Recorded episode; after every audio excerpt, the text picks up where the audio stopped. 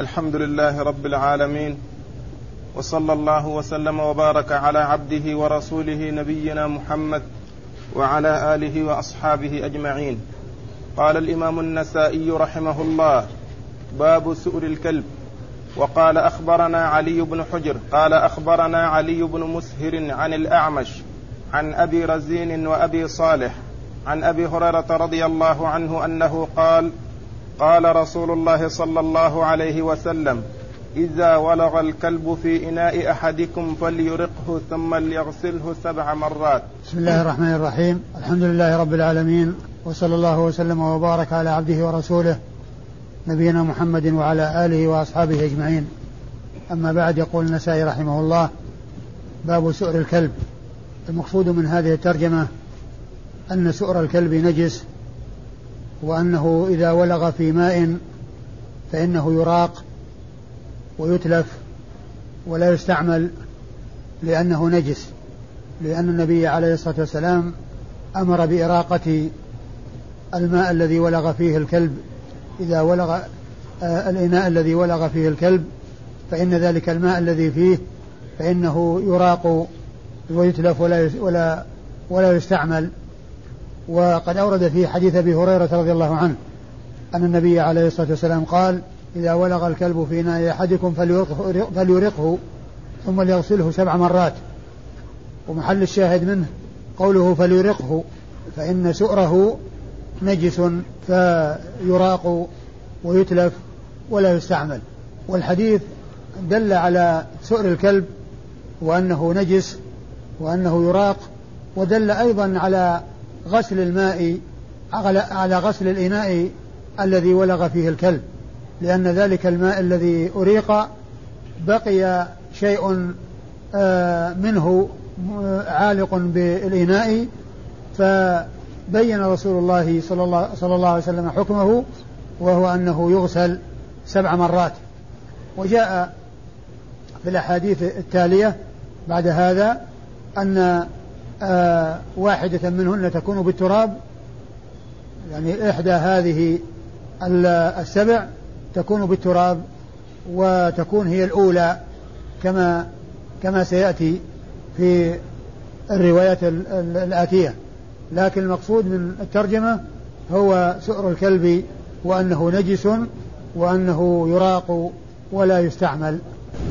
نعم اسناد أخبرنا علي بن حجر. أخبرنا علي بن حجر. يقول النسائي أخبرنا علي بن حجر. وعلي بن حجر هو ابن إياس السعدي المروزي وهو ثقة حافظ خرج له البخاري ومسلم والترمذي والنسائي. خرج له صاحب الصحيح واثنان من أصحاب السنن الأربعة وهما الترمذي والنسائي ولم يخرج له أبو داود ولا ابن ماجه. أخبرنا علي. أخبرنا علي بن مسهر وعلي بن مسهر ثقة خرج له أصحاب الكتب الستة. ثقة خرج له أصحاب الكتب الستة. عن الأعمش. عن الأعمش وهو سليمان بن مهران الكاهلي وهو ثقة آه، حديثه عند أصحاب الكتب الستة والأعمش لقب له اشتهر بلقبه وكثيرا ما يأتي ذكره باللقب ويأتي أحيانا ذكره بالاسم سليمان بن مهران. فالأعمش لقب لسليمان بن مهران الكاهلي ويأتي ذكره كثيرا. وقد ذكرت مرارا أن فائدة معرفة ألقاب المحدثين هي دفع توهم أن يظن الشخص الواحد شخصين فيما إذا ذكر مرة باسمه ومرة بكنية بلقبه فإن من لا يعرف يظن أن سليمان الأعمى سليمان إذا ذكر باسمه إذا ذكر باسمه سليمان ثم ذكر في موضع آخر بلقبه الأعمش يظن أن هذا شخص وهذا شخص. لكن من يعرف أن الأعمش لقب لسليمان يعلم أن أنه شخص واحد يذكر بلقبه أحيانا ويذكر باسمه أحيانا. عن عن أبي رزين وأبي صالح. عن أبي رزين وأبي صالح. أبي رزين هو آه، آه، مسعود بن مالك الأسدي الكوفي وهو ثقة خرج له البخاري في الأدب المفرد ومسلم وأصحاب السنن الأربعة. خرج له البخاري في الأدب المفرد ومسلم وأصحاب السنن الأربعة. أما أبو صالح فهو ذكوان السمان اسمه ذكوان وهو مشهور بلقبه أبو صالح. وهو ذكوان السمان ويقال له الزيات يقال له الزيات ويقال له السمان وهذا لقب. وأما اسمه فهو ذكوان وهو مشهور بكنيته أبي أبي صالح وهو ثقة خرج له أصحاب الكتب الستة.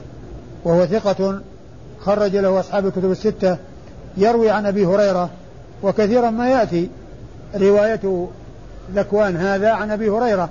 وأبو هريرة هو صاحب رسول الله صلى الله عليه وسلم ورضي الله تعالى عنه وأرضاه الصحابي الجليل الذي روى الكثير من حديث رسول الله صلى الله عليه وسلم ولم يروى أو لم يروي أحد من الأحاديث مثل ما روى آه، أبو هريرة رضي الله عنه فإنه روى الشيء الكثير بل, بل هو أكثر الصحابة حديثا على الإطلاق لأن الذين عرفوا بكثرة الحديث عن رسول الله صلى الله عليه وسلم من الصحابة سبعة زادت أحاديثهم على ألف أما أبو هريرة فهو أكثر هؤلاء السبعة فهو أكثر هؤلاء السبعة وحديثه عند أصحاب الكتب الستة رضي الله تعالى عنه وأرضاه.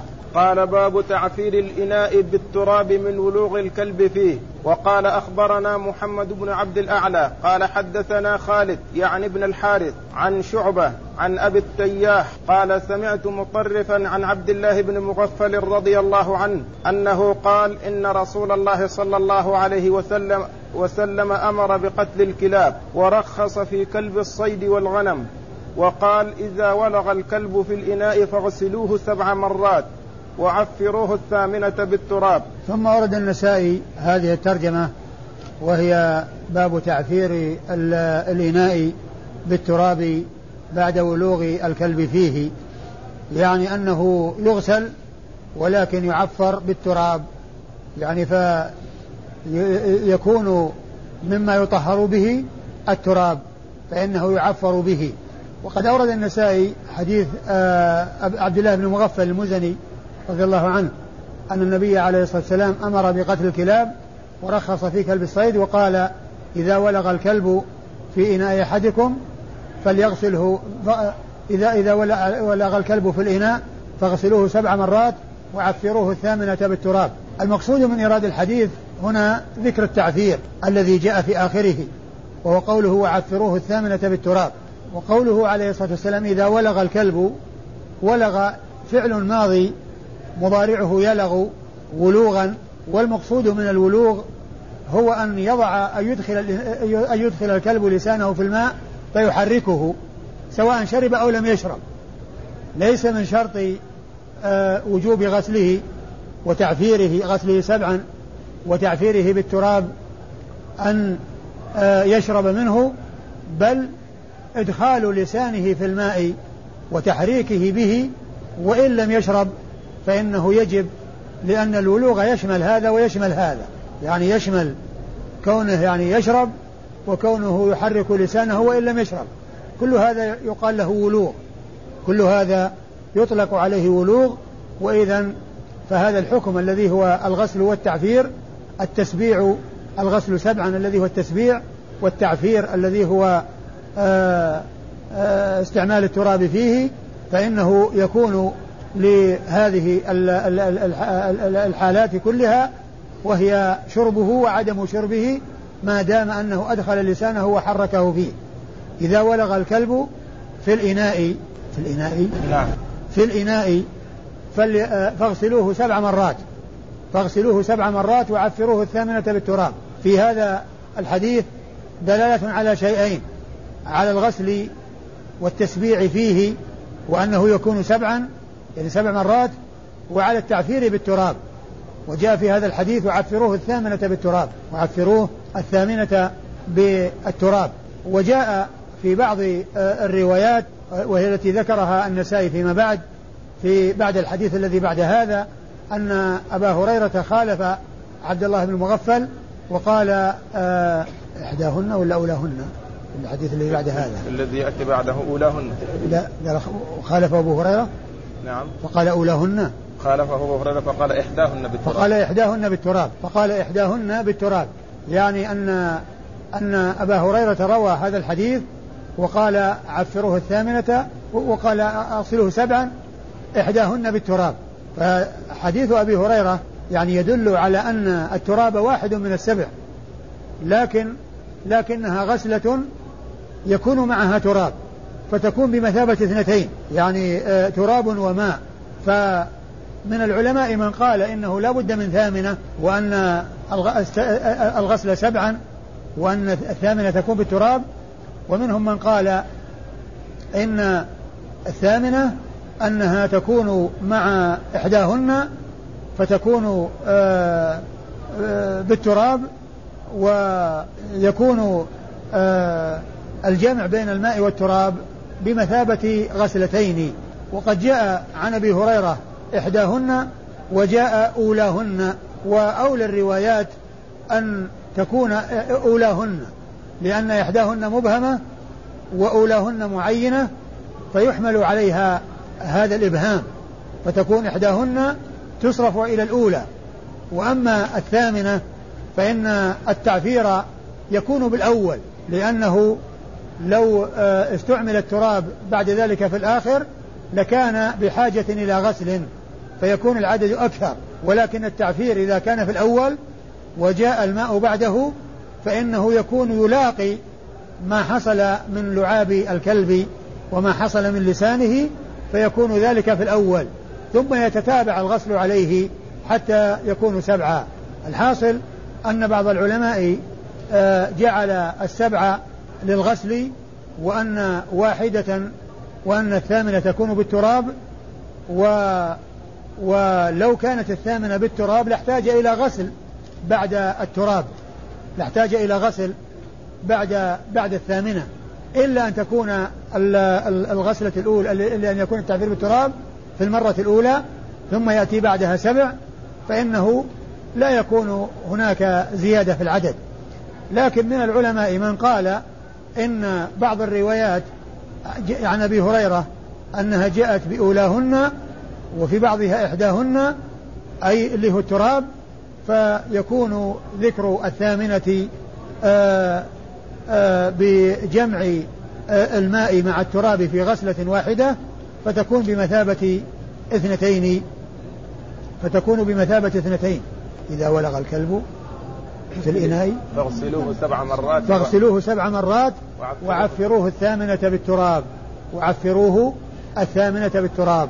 أما إسناد الحديث يقول نسائي أخبرنا محمد بن عبد الأعلى. أخبرنا محمد بن عبد الأعلى وهو الصنعاني وهو ثقة روى له مسلم وأصحاب السنن الأربعة إلا أبا داود فإنه روى له في كتاب القدر. فإنه روى له في كتاب القدر وما روى له في السنن. حدثنا الحا... ال... ال... ال... خالد. خالد وهو ابن الحارث. خالد وهو ابن الحارث. خالد يعني ابن الحارث. خالد يعني ابن الحارث. حدثنا خالد يعني ابن الحارث. خالد ابن الحارث ثقة خرج له أصحاب الكتب الستة. وقوله يعني الح... يعني من الحارث هذا الذي قالها من دون محمد بن عبد الأعلى الذي هو تلميذه وهو النسائي أو من دون النسائي. وهو النسائي أو من دون النسائي هو الذي أتى بكلمة يعني. فقائل كلمة يعني هو النسائي أو من دون النسائي. ولا يكون قائلها هو آه، محمد بن عبد الأعلى لأن التلميذ لا يحتاج إلى أن يقول هو وإنما يسميه وينسبه ويمكن أن يأتي بأوصاف وبنسب وبألقاب وما إلى ذلك ولا يحتاج إلى أن يقول هو. لكن الذي يحتاج إلى أن يقول هو هو من دون التلميذ وهو النسائي أو من دون النسائي ففاعل فقائل يعني من دون النسائي النسائي ومن أو من دونه.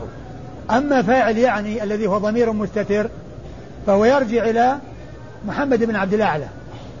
يعني محمد بن أعلى قال أخبرنا خالد يعني محمد بن أعلى آه ابن الحارث. فكلمة يعني قائلها النسائي ومن دونه والضمير الذي هو في يعني هو يرجع إلى محمد بن عبد الأعلى. يعني محمد يعني كأنه قال النسائي أو من دونه يعني محمد بن عبد الأعلى آه، يعني ب ب ب ب خالد. بخالد يعني بن الحارث. يعني به خالد بن الحارث. ففاعل يعني هو النسائي ومن دونه آه، قائل يعني وفاعلها ضمير مستتر. يرجع إلى محمد بن عبد محمد بن عبد الأعلى الذي هو تلميذه. عن شعبة. عن شعبة ابن الحجاج الذي هو موصوف بأنه أمير المؤمنين في الحديث وحديثه عند أصحاب الكتب الستة وقد مر ذكره كثيرا. عن أبي التياح. عن أبي التياح. وأبو التياح هذا لقب اشتهر به يزيد بن حميد الضبعي وقد سماه وقد سمي في الإسناد الذي بعد هذا في إسناد الحديث الذي بعد هذا. لقب ولا كنية؟ نعم. لقب ولا كنية؟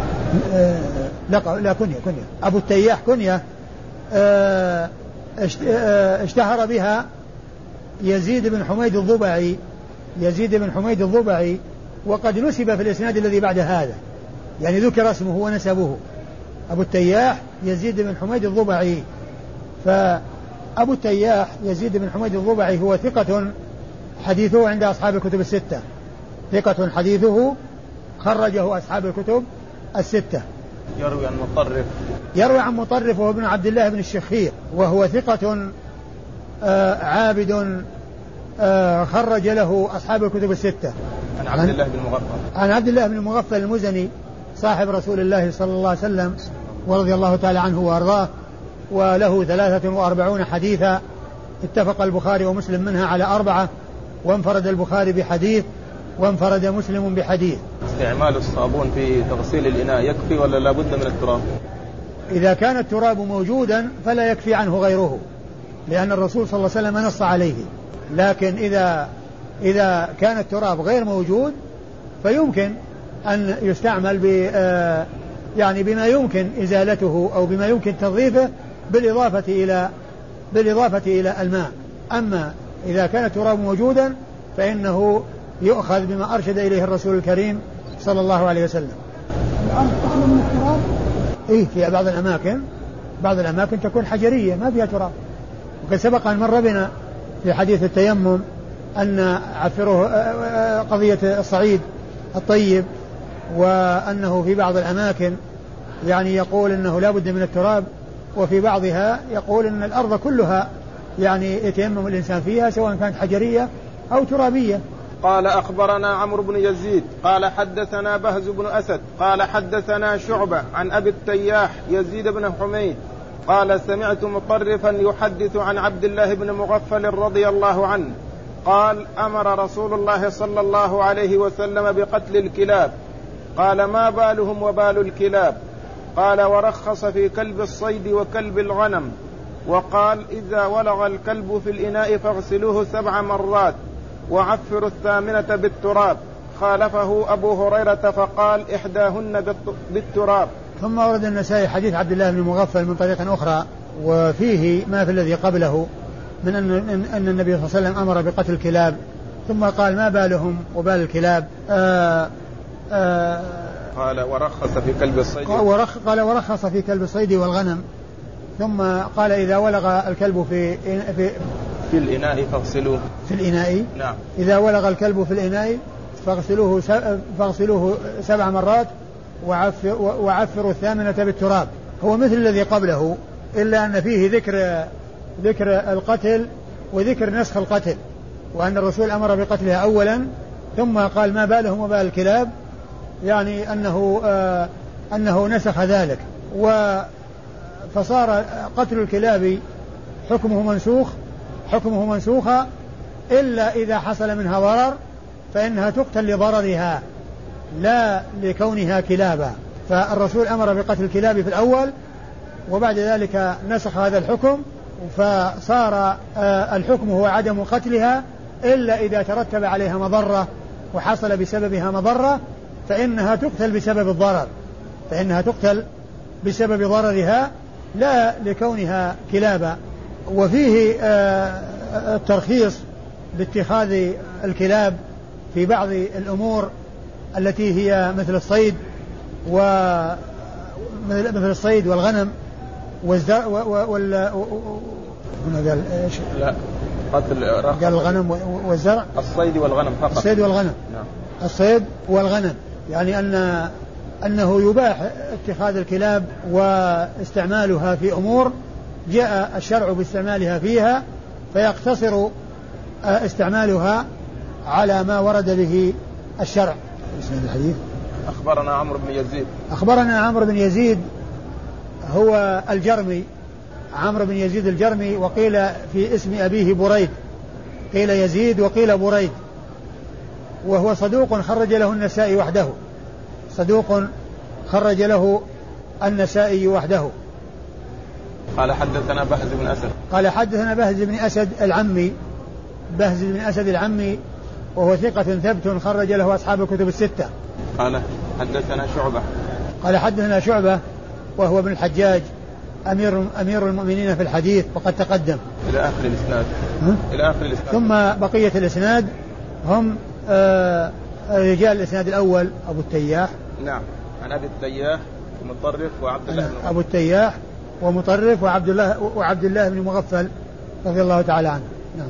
قال أخبرنا إسحاق بن إبراهيم قال حدثنا معاذ بن هشام قال حدثني أبي عن قتادة عن خلاس عن أبي رافع عن أبي هريرة رضي الله عنه أن رسول الله صلى الله عليه وسلم قال إذا ولغ الكلب في إناء أحدكم فليغسله سبع مرات أولاهن بالتراب. ثم أورد النسائي حديث من؟ أبي هريرة. ثم أورد النسائي حديث أبي هريرة رضي الله عنه. إذا ولغ. عن أبي هريرة رضي الله عنه عن النبي صلى الله عليه وسلم أنه قال إذا ولغ الكلب في إناء أحدكم فليغسله سبع مرات أولاهن بالتراب. ثم أورد النسائي حديث أبي هريرة رضي الله عنه يقول عليه الصلاة والسلام إذا ولغ الكلب في إناء أحدكم فليغسله سبع مرات أولاهن بالتراب.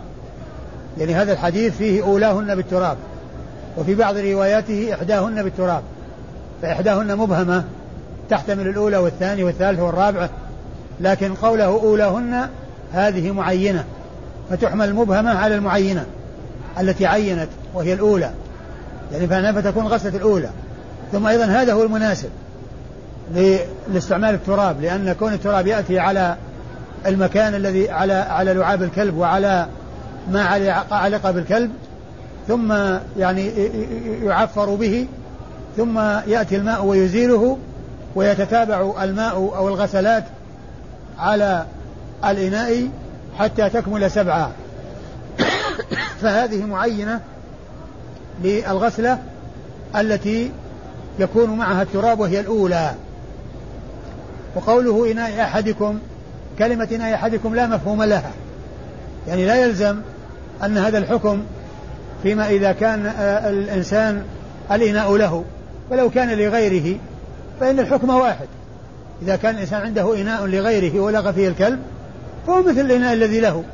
فكلمة إناء أحدكم هذا هذه ليس معناها الاختصاص والملك وإنما يعني كون ال كون ال الإناء يعني مضاف إليه سواء كان له أو لغيره. يعني عنده على سبيل العارية أو غير ذلك. إذا ولغ الكلب في إناء أحدكم فهذه الإضافة ليس لها مفهوم. ثم قول آه، إذا ولغ الكلب في إناء أحدكم نعم. فليغسله. نعم سبع مرات. وكلمة فليغسله هذه ليس لها مفهوم بمعنى أنه هو الذي يغسله ويتناول غسله بل يمكن أن يغسل غيره. ليس بلازم أن صاحب الإناء هو الذي يغسله بل يمكن أن يتولاه غيره.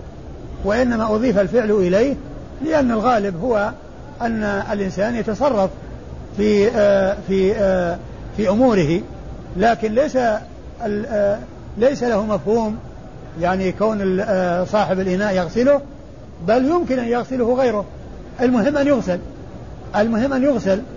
يعني لا ليس بشرط أن يكون الإناء ملكه بل قد يكون ملكا لغيره ولا يتعين أن يكون هو الذي يتولى غسله بل يمكن يتولى غسله غيره. يتولى غسله يتولى غسله غيره. إذا ولغ الكلب في إناء أحدكم فليغسله سبع مرات أولاهن بالتراب. وإسناد الحديث؟ أخبرنا إسحاق بن إبراهيم. أخبرنا إسحاق بن إبراهيم بن مخلد الحنظلي المشهور بابن راهوية وهو ثقة وصف بأنه أمير المؤمنين في الحديث وهو محدث فقيه.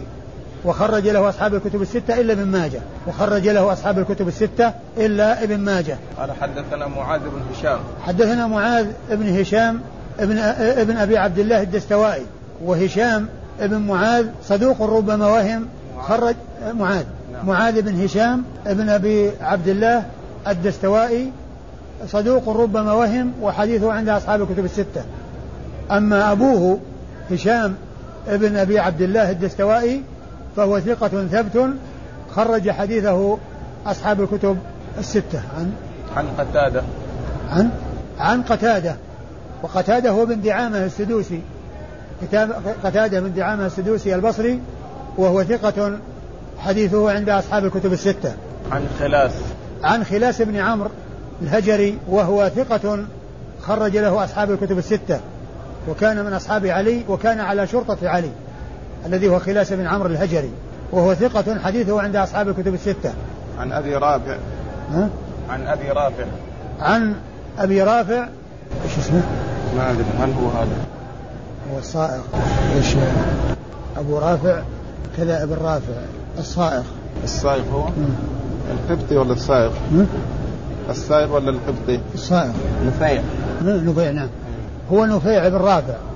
أبو رافع كنية هو صاحبها نفيع بن رافع. يعني اسمه نفيع وأبوه رافع وكنيته أبو رافع. المدني. وهو ثقة وهو, وهو الصائغ. نفيع بن رافع الصائغ المدني أبو رافع ثقة خرج له أصحاب الكتب الستة. عن أبي هريرة. عن أبي هريرة رضي الله عنه وقد تقدم. نعم اللي بعده. قال أخبرنا إسحاق بن إبراهيم قال حدثنا عبدة بن سليمان عن ابن أبي عروبة عن قتادة عن ابن سيرين عن أبي هريرة رضي الله عنه عن النبي صلى الله عليه وسلم أنه قال إذا ولغ الكلب في إناء أحدكم فليغسله سبع مرات أولاهن بالتراب. وهذا الحديث حديث أبي هريرة هو مثل الذي قبله وبلفظه ولكنه بإسناد آخر. وهذا الإسناد يقول النسائي أخبرنا إسحاق بن إبراهيم وهو شيخ النسائي في الإسناد الذي قبل هذا. قال حدثنا عبده بن سليمان. عبده بن سليمان هو الكلابي وهو ثقة خرج حديثه أصحاب الكتب الستة. عن؟ عن ابن أبي عروبة. عن ابن أبي عروبة هو سعيد. ابن أبي عروبة وهو ثقة خرج له أصحاب الكتب الستة. عن قتادة. عن قتادة بن. و- وسعيد بن أبي عروبة هو من أثبت الناس في قتادة. من أثبت الناس في قتادة. وهو هنا يروي عن قتادة. قتادة بن دعامة السدوسي الذي مر في الإسناد الذي قبل هذا وهو ثقة حديثه عند أصحاب الكتب الستة. عن ابن سيرين. عن ابن سيرين محمد بن سيرين. محمد ابن سيرين وهو ثقة ثبت خرج له أصحاب الكتب الستة. عن أبي هريرة. نعم. عن أبي هريرة وهو الصحابي الذي تقدم ذكره في الأسانيد الماضية. انتهى الباب. إيه. والله تعالى أعلم وصلى الله وسلم وبارك على عبده ورسوله نبينا محمد وعلى آله وأصحابه أجمعين.